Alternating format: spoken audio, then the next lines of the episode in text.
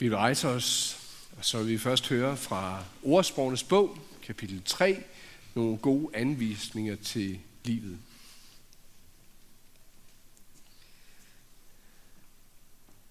Hold ikke et gode tilbage fra den, som har brug for det, når det står i din magt at yde det. Sig ikke til din næste, gå og kom igen i morgen, så vil jeg give dig det, hvis du har det, han beder om. Udtænk ikke ondt mod din næste, han bor trygt hos dig. Anklag ikke et menneske uden grund, når han ikke har gjort dig noget ondt. Vær ikke misundelig på en voldsmand, og vælg aldrig hans vej, for Herren afskyr den, der kommer på afveje. Men med retskaffende har han fællesskab.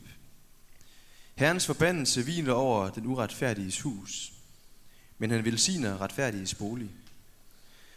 Med spotter driver han spot, men ydmyge viser han velvilje. De vise for ære i eje, tåberne sætter skammen i højsædet. Og dagens evangelium skriver evangelisten Lukas. Jesus sagde også til disciplene, der var en rig mand, som havde en godsforvalter. Om ham fik han under hånden at vide, at han øslede hans egen bort, ejendom bort. Så tilkaldte han forvalteren og spurgte, hvad er det, jeg hører om dig? Aflæg regnskab for din forvaltning, for du kan ikke længere være forvalter. Men forvalteren spurgte sig selv, hvad skal jeg gøre, nu da min herre tager min stilling fra mig? Grave har jeg ikke kræfter til. Tikke skammer jeg mig ved. Nu ved jeg, hvad jeg vil gøre, for at folk skal tage imod mig i deres huse, når jeg bliver sat fra bestillingen. Han kaldte så sin herre skyldnere til sig en for en og spurgte den første, hvor meget skylder du, min herre? 100 anker olie, svarede han. Forældren sagde, her er dit bevis. Sæt dig straks ned og skriv 50. Derefter spurgte han en anden, og du, hvor meget skylder du? 100 tønder hvede, svarede han. Til ham sagde forvalteren, her er dit gældsbevis. Skriv 80. Og herren roste den uærlige forvalter, fordi han havde handlede klogt. For denne verdens børn handler langt klogere over for deres egne, end lysets børn gør. Jeg siger jer, skaf jer hjælp. Skaf jer venner ved hjælp af den uærlige mammon, for at de, når den slipper op, kan tage imod jer i de evige boliger. Amen.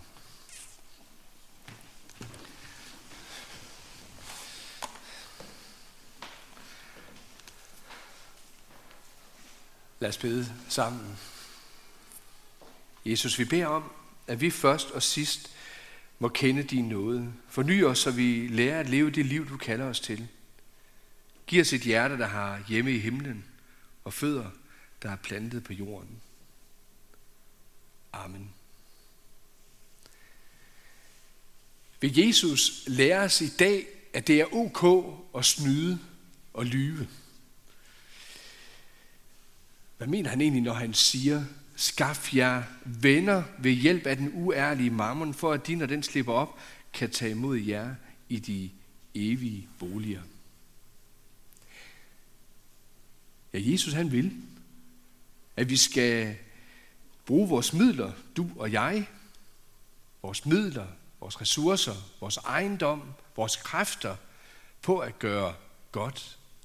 Han vil, at vi skal se vores liv sådan som Guds børn, at vi er blevet betroet en masse. Vi er blevet betroet penge, vi er blevet betroet, betroet måske job, karriere, vi er blevet betroet tid, vi er blevet betroet evner. Alt sammen noget, som vi skal bruge for himmerigets skyld. Du og jeg, vi skal være gode forvaltere. Det skal vi, fordi at forvalte det her ret skulle gerne være med til at holde os fast på den vej, der fører hjem til himlen. Og det skulle også gerne være med til, at andre kommer med på den vej, så vi skaffer os gode venner, fordi de lærer os at kende. På mange måder, så er der noget, der er helt banalt og alligevel så svært at forholde sig til. Den her tanke, som vi møder et sted i Bibelen, at tomhændet kom vi til verden, og tomhændet skal vi gå ud fra den. Vi har ikke noget med. Vi kan ikke tage noget med. Og så alligevel, i det liv, der udspiller sig derimellem, der har penge virkelig en utrolig stor magt. Prøv bare lige at tænke på, mens du hører de her sætninger, hvor meget penge det egentlig styrer for dig i øh, din hverdag. Hvad det er med til at forme det, du øh, laver, læser til måske for en gang at blive, hvad du kan med det, hvad du allerede har penge nu, hvordan du bruger det, hvordan man sparer op, hvordan man gør det ene og det andet. Hver eneste dag på så mange forskellige måder er penge med til at styre os. Men med hvilke formål? Hvis man bruger sit liv, sin tid og sin ejendom, som om man selv bestemte over det hele, ja, så er det egentlig en form for underslæb. Og hvem kan egentlig sige sig fri fra, at man havner der? En dag så kommer Jesus igen. Han kræver os til regnskab for vores forvaltning af livet. Det er ganske enkelt strusse politik, altså at stikke hovedet bare ned i jorden, hvis vi benægter, at vi er syndere. Sådan som vi hørte det i begyndelsen af gudstjenesten, som Johannes sagde det, sådan som Michael læste op. Hvis vi siger, at vi ikke har syndet, og heller ikke på det her område, gør vi ham til en løgner, og hans ord er ikke i os. Jesus han vil bruge den her utro godsforvalter som et eksempel. Ikke på at handle uærligt, men som et eksempel på at handle klogt. Hvordan man handler klog for at opnå sit mål, skabe gode relationer, og så udnytte situationen virkelig optimalt. Det er ikke fordi, vi nu skal til at tænke, hvordan kan vi nu opføre os mest bedragerisk? Hvordan kan vi snyde mest? Hvordan kan vi være mest egoistisk? Eller måske endda gå mest doven til livet? Advarslen den ligger også imod, at vi ikke skal, han har sagt, leve som om vi bare lever for os selv. Som om at alt her i livet bare kommer til at handle om mig, med mig som centrum. På en måde at det faktisk det, der er tilfældet ved øh, den lignelse, Jesus han har lige forud, den han kommer med her. Hvis man læser afslutningen af Lukas evangelie kapitel 15, så har vi den beretning, vi ofte kalder lignelsen om den fortabte søn, men som handler om faren med de to sønner, og den ene lever virkelig sit eget liv. Har sig selv som centrum af dagsordenen, får alt det givet, har masser af penge, men formår virkelig også at øsle det hele borgere, der ikke fortjener at blive vist noget. Og så opsøger han alligevel sin fars hus, møder sin fars kærlige blik endnu en gang, oplever, hvad det betyder at blive taget til noget og blive mødt med barmhjertighed. Det er ikke syndens meritter, eller mangel på samme, som er afgørende. Men det er den mulighed, som faren giver mulighed for, og som han rækker til sønnen, og som sønnen griber ud efter. Når jeg gerne vil understrege det, så er det fordi, både det, som Jesus siger her, og det jeg også kommer til at sige videre i prædiken, at det handler det ikke om at komme til at leve et perfekt liv, eller egentlig retning ind i det her, det er, at hvis jeg bare får styr på det her med pengene, så har jeg kontrol over alt andet. Fokus ligger stadigvæk på, hvordan er det at leve som en, der hører hjemme hos sin himmelske far, at blive mødt af barmhjertighed, generøst, blive sat til at forvalte en række goder, som man får givet, så det kommer andre til gavn. Det er troen på Guds nåde, som er en forudsætning for det liv, Jesus han kalder os til. Det er det, der er det afgørende, og det er også det, der er det bærende. Billedet med den rige mand i lignelsen og så godsforvalteren, den har for mig at se mange ligheder til forholdet mellem Gud og os. Den rige mand, han er kendt for sin generositet, han er kendt for sin retfærdighed, Og så har han den her utro godsforvalter. Han handler som om, at alt det, han er blevet betroet, det er hans eget, og det bare skal mest af alt tjene til, at han har et fedt liv. På en måde så er der lidt sådan en stærk ironi i, at han netop er forvalter, altså en, som er blevet betroet en andens ejendom. Og så misbruger han sin stilling, eller den udviste tillid, og lever ikke op til sine forpligtelser. Den her rigmand, han finder ud af det. Godsforvalteren, han skal lægge, øh, aflægge regnskab. Det betyder, at han skal komme og aflevere regnskabsbøgerne lige her nu.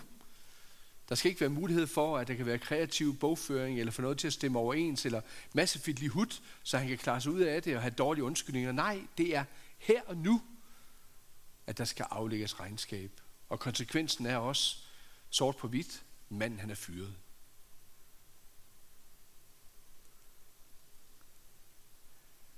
Og midt i den her situation, hvor man skulle tænke, at alle muligheder egentlig er udtømte, så udnytter han alligevel situation. Fordi han tænker, det er godt ske, at jeg ikke har regnskabsbøgerne, men jeg har stadigvæk alle de her forskellige gældsbeviser, som der er til en række af de folk, der skylder min herre penge. Så hvad skal jeg gøre, når jeg ikke længere har en god fremtid, som jeg selv kan skabe?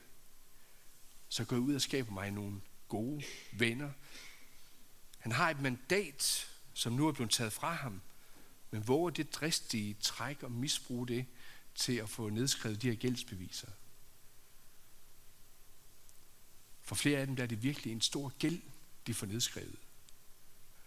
Og der er ikke noget at sige til, at den rige mand, som er kendt som en generøs mand i forvejen, at han virkelig er populær i omegnen i tiden. Det ene, det rasler bare ned efter det andet. Og den, der tjener på det, ja, det er Guds forvalteren. Og man tænker jo, hvilken slyngel. Og så blev han alligevel rost. Hvorfor roser den rige mand godsforvalteren? Jo, for hvis han kommer ud nu her bagefter, og så annullerer alle de tiltag, som den her utro godsforvalter han har gjort, alle de her nedskrivninger af gælden, så er det ikke ham, der vil blive anklaget for at være unfair, men det er den rige mand selv. Det er ham, der vil komme til at stå som en, fremstå som en nærig person, en sur rigmand, der ikke står ved sit ord. Den goodwill, som han har i forvejen, og det gode rygte, han har, det vil blive pillet fra ham og skabe nogle andre problemer. Så derfor vælger han at sætte det hele på tabskontoen. Den rige mand, han erkender også, at godsforvalteren har handlet klogt ud fra situationen. Det er ikke fordi, han billiger det moralske, som han har gjort med snyd og løgn. Men han giver alligevel en anerkendelse af, at han har formået midt i den her situation, og nærmest misbruger, han ved, at min herre har et nådigt sind. Og så har han brugt det til sin egen fordel.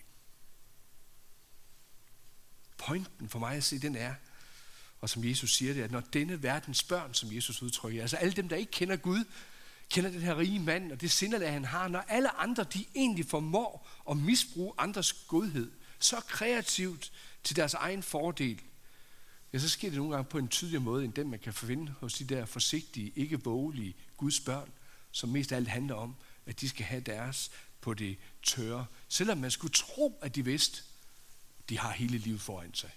Både nu og i al evighed. De burde kende til deres himmelske fars nåde og generøsitet, men ofte så holder de mere tingene til sig selv, holder på deres eget og våger ikke at forlade deres liv på Guds velsignelse. For mig at sige, så har Jesus en dagsorden til sine disciple, sådan som han startede med at sige det. Jesus sagde også til sine disciple, han har en dagsorden, som han gerne vil give til os, til Guds børn, om, at vi har et kald. Der er noget, vi særligt er sat til her i verden, og det er at gøre en forskel i vores hverdag med det, vi ejer og har. Der er en grund til, at vi er blevet betroet noget. Og der er også en grund til, at vi gerne må se på det som gode gaver. Også noget, vi er sat til at bruge på bedste vis. Jeg tænker, det at have det perspektiv ind over sin ejendom og penge, det som Bibelen med et godt ord kalder, kalder mammon, det er der virkelig noget velsignet og privilegeret i. For det betyder hele tiden, at mit liv sådan set er et spil, og det er det for Guds rigs skyld. På den anden side, så synes jeg også nogle gange her, at det er forbistret, udfordrende og hårdt at være en kristen, fordi der er så meget af det her, hvor jeg også lader mig påvirke af, at det er jo, det er jo mit. Det er jo mig, der har tjent de her penge. Det er mig, der har skabt det her til veje. Det er mit liv, det handler om. Fordi sådan lærer jeg at se det på det, når jeg kigger mig rundt hos rigtig mange andre.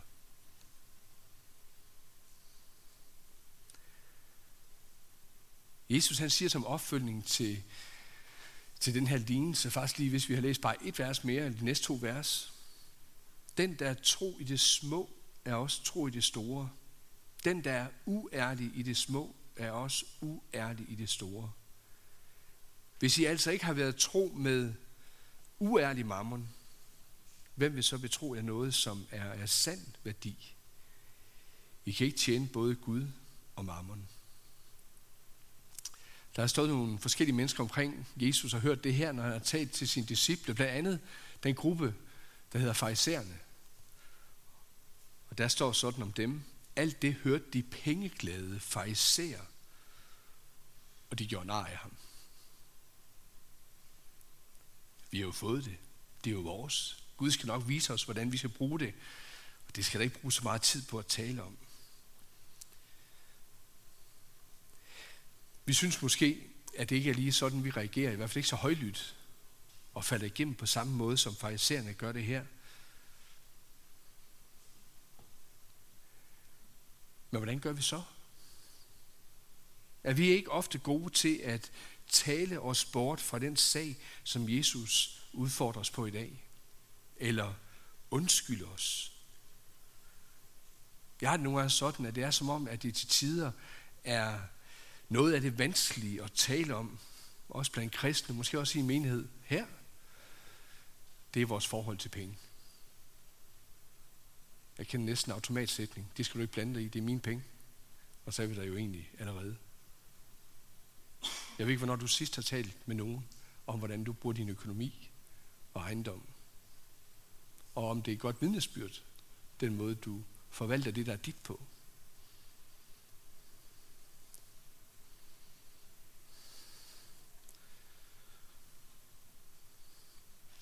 Lad du dig udfordre på det økonomiske felt. Hvor meget du giver til missionsarbejdet. Hvor meget du giver for de mennesker omkring, som du faktisk har set, der trænger til noget. Det kan både være dem, du lige møder på din vej, det kan også være dem længere væk, det vi måske nogle gange kalder nødhjælp. Og det er ud over landets grænser, men det er jo nogle gange så langt væk, at det er svært ved at komme ind på min livsvej. giver det til missionsarbejde også på en måde, så, øhm, så der er andre, der får mulighed for at høre om, øh, om Jesus. Altså skaffer dig gode venner, som du får lov til at se i himlen. Eller drøfter med nogen, hvor meget det egentlig er okay at bruge på fornøjelser og luksus, hvad vi har masser af her i Danmark.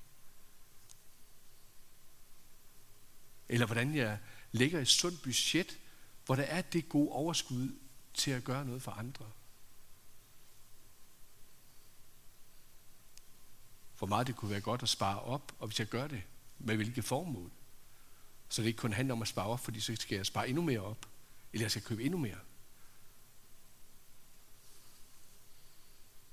Listen den er lang her, og situationer og muligheder er bestemt også med til at gøre det forskelligt for os.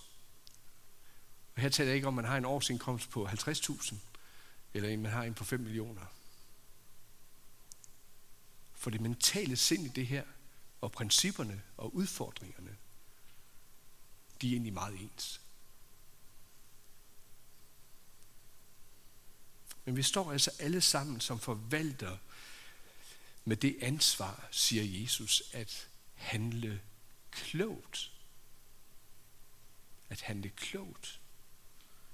Så livets mange gode, det ikke bliver en hindring for mig i at blive frelst, eller så jeg med det, der betroede mig, egentlig er med til at hindre, at andre mennesker kommer til at lære Jesus at kende. Så jeg ikke bruger de ting, der har fået, som er blevet tildelt mig i mit liv, at de ikke bliver nærmest instrumenter for at flere lærer Jesus at kende, eller møder hjælp og kærlighed på den vej, der er deres, og hvor de har brug for det.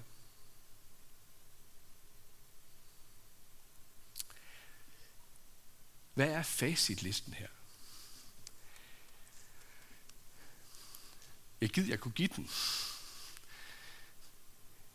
Jeg tror nogle gange, der kunne det være meget befriende, hvis man bare tænkte, om præsten siger, det er sådan her, jeg skal forme mit liv, og så går jeg hjem og gør det. Jeg er ikke sikker på, at alle de vil gøre det. Jeg synes virkelig også, det er et belastende ansvar at skulle have. Hvis jeg skulle forme dit liv. Jeg tror ikke på, at der er en faci-liste. Jeg tror ikke, at der er sådan en samlet eller en ens liste. Men hvad jeg især tror på, det er, at det ikke giver os grund til at forholde os ligegyldige eller være ligeglade. Prøv at overveje de her to sætninger. Det er nogen igennem mange år, der har fulgt mig. Nogle af jer har garanteret hørt, måske jeg har sagt noget af det før. For flere år siden, der læste jeg sådan i en bog. Tjen alt, hvad du kan. Spar alt, hvad du kan. Giv alt, hvad du kan. Tjen alt, hvad du kan. Spar alt, hvad du kan. Giv alt, hvad du kan. Eller en anden sætning. Når du har givet tiende, det ser jeg som en god mulighed for at vide, at så er der i hvert fald givet noget til Guds rigs arbejde, som Bibelen opmuntrer til det. Så ved du, at så er der 90% tilbage til at gøre godt med Guds rig. For min egen del, betyder det, at jeg har en, en familie, jeg skal være med til at forsørge. Det er også en del af det at, at være ansvarsfuld i mit kald som far og mand. I lyset af den anden sætning. Jeg har nogle andre forpligtelser, jeg også kan leve op til. Men midt ind i alt det er der også et stort overskud. Altså de her 90 procent. Hvordan bruger jeg de penge? På min nabo? På den, jeg mødte på vejen, der bad om, at jeg havde en 20'er? Eller hvad nu?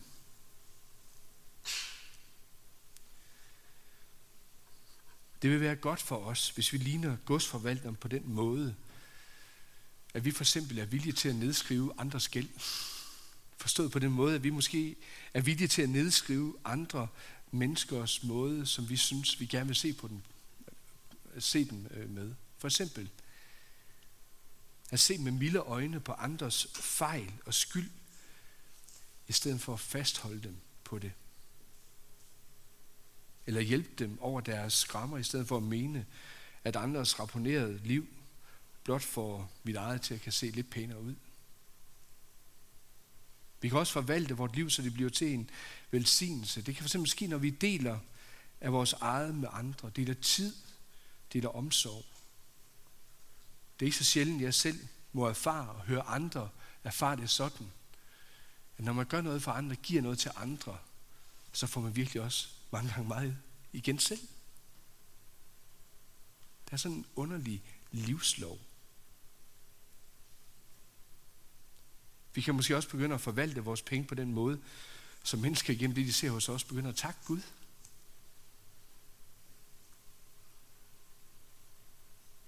På den måde, så kan vi bruge den uretfærdige mammon til at skaffe os venner for evigheden. Så set fra en politisk hold, økonomisk hold i samfundet, så kan der tale så meget om, at vi skal sætte privatforbruget op for at få gang i julen igen her i vores samfund. Måske kunne man omformulere den sætning, selvom den ikke er politisk korrekt ud fra det, der bliver sagt i dag. Men måske skulle vi sætte privatforbruget ned, og så sætte næste forbruget op. Og så har jeg lyst til, som det sidste ind i det her i dag, hvis I ikke kender ordet, så øh, lærer jeg det. Et godt bibelsk ord, der hedder nøjsomhed. Det var sådan noget, de gamle de talte om, og gamle, det betyder dem, der er ældre end, øh, end mig. Øh, jeg har stadig en rem af huden i det, og øh, prøver faktisk at tage det ind over mit øh, eget liv. Det, der er meget vigtigt for mig at få sagt med nøjsomhed, det er, at nøjsomhed, det er ikke det samme som nærighed. Hvis man sætter lighedstegn mellem de to ting, så er man gået galt i byen. Fordi en nærig person giver ikke. Joachim von And er et af de bedre eksempler på det. For nøjsomhed, det er ikke det samme som sparsommelighed. Hvad gavner for eksempel en forsigtig livsstil, mens bankkontoen bare vokser? Det bliver stadigvæk mig selv, jeg får øje på. Men nøjsomhed skal tjene din livsstil, så du ikke bliver opslugt af ting og penge og materialisme. Nøjsomhed, det er nemlig altid for at være en sund nøjsomhed, forbundet med stor gavmildhed. Derfor våger jeg også i dag at tage med i kirkebønnen, at vi beder om nøjsomhed og stor gavmildhed. Det er som et pendul, der hænger sammen. At jeg er nøjsom med det, jeg har fået betroet, for at jeg kan være des mere gavmild. Hvis jeg kun er nøjsom, så kommer det til at handle om mig selv. Hvis jeg kun er gavmild, så kan jeg måske deres komme til at svigte fra et ansvar, jeg har over for noget. Men nøjsom og gavmild, det hænger sammen. Hvordan nøjsomhed i praksis skal forvaltes, ja, det gives der i Bibelen ikke nogen bestemte regelsæt om. Men skulle jeg komme med tre ord, eller værdier, så vil det være ord som frivillighed, frihed og forvaltning under ansvar. At det sker frivilligt, at det sker frit, og det er en forvaltning under ansvar. Og jeg tror, vi godt kan lære noget her, fordi jeg tror nogle gange i vores del af kirkelivet, der er vi på det her felt kendt for nogen, og jeg kan også starte med mig selv, at vi har rigtig mange flotte ord her.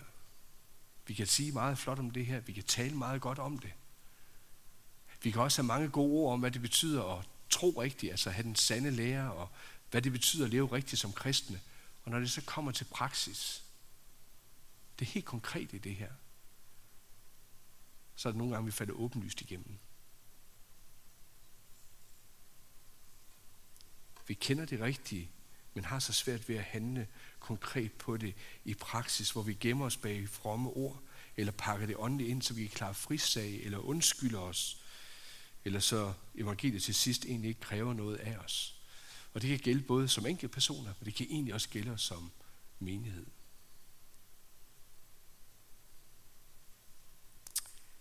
I det her, der udfordrer Jesus os i dag til at være dristige, til at våge noget, til at være kreativ, til at være modig og flittig og hjælpsomme, og til at ture noget for Guds rides skyld.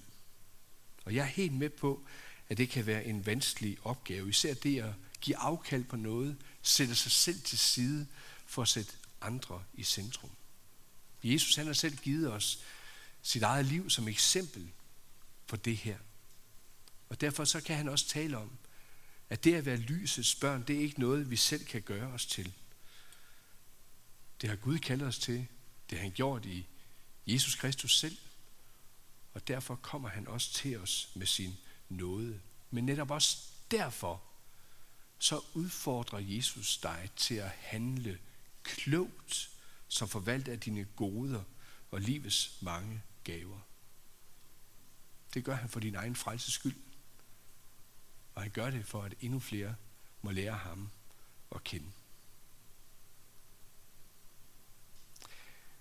Ære være faderen, som har skabt os. Ære være sønnen, som har forløst os. Og ære være Helligånden, som gør det levende for os. Amen.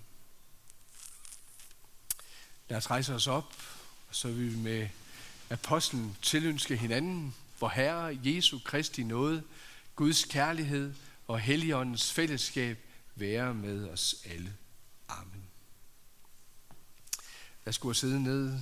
Der kommer et øh, spørgsmål op nu her, og øh, du kan jo øh, måske bare selv sidde og overveje det, men der vil også være de næste 3-4 minutter, hvor du kan sidde med to-tre stykker, eller hvor mange nu det er, lige omkring, hvor du sidder, og så overveje det her og tale lidt om, ja, hvad er det, jeg er blevet udfordret af i dag, og hvad, hvilken betydning kan det få for mig?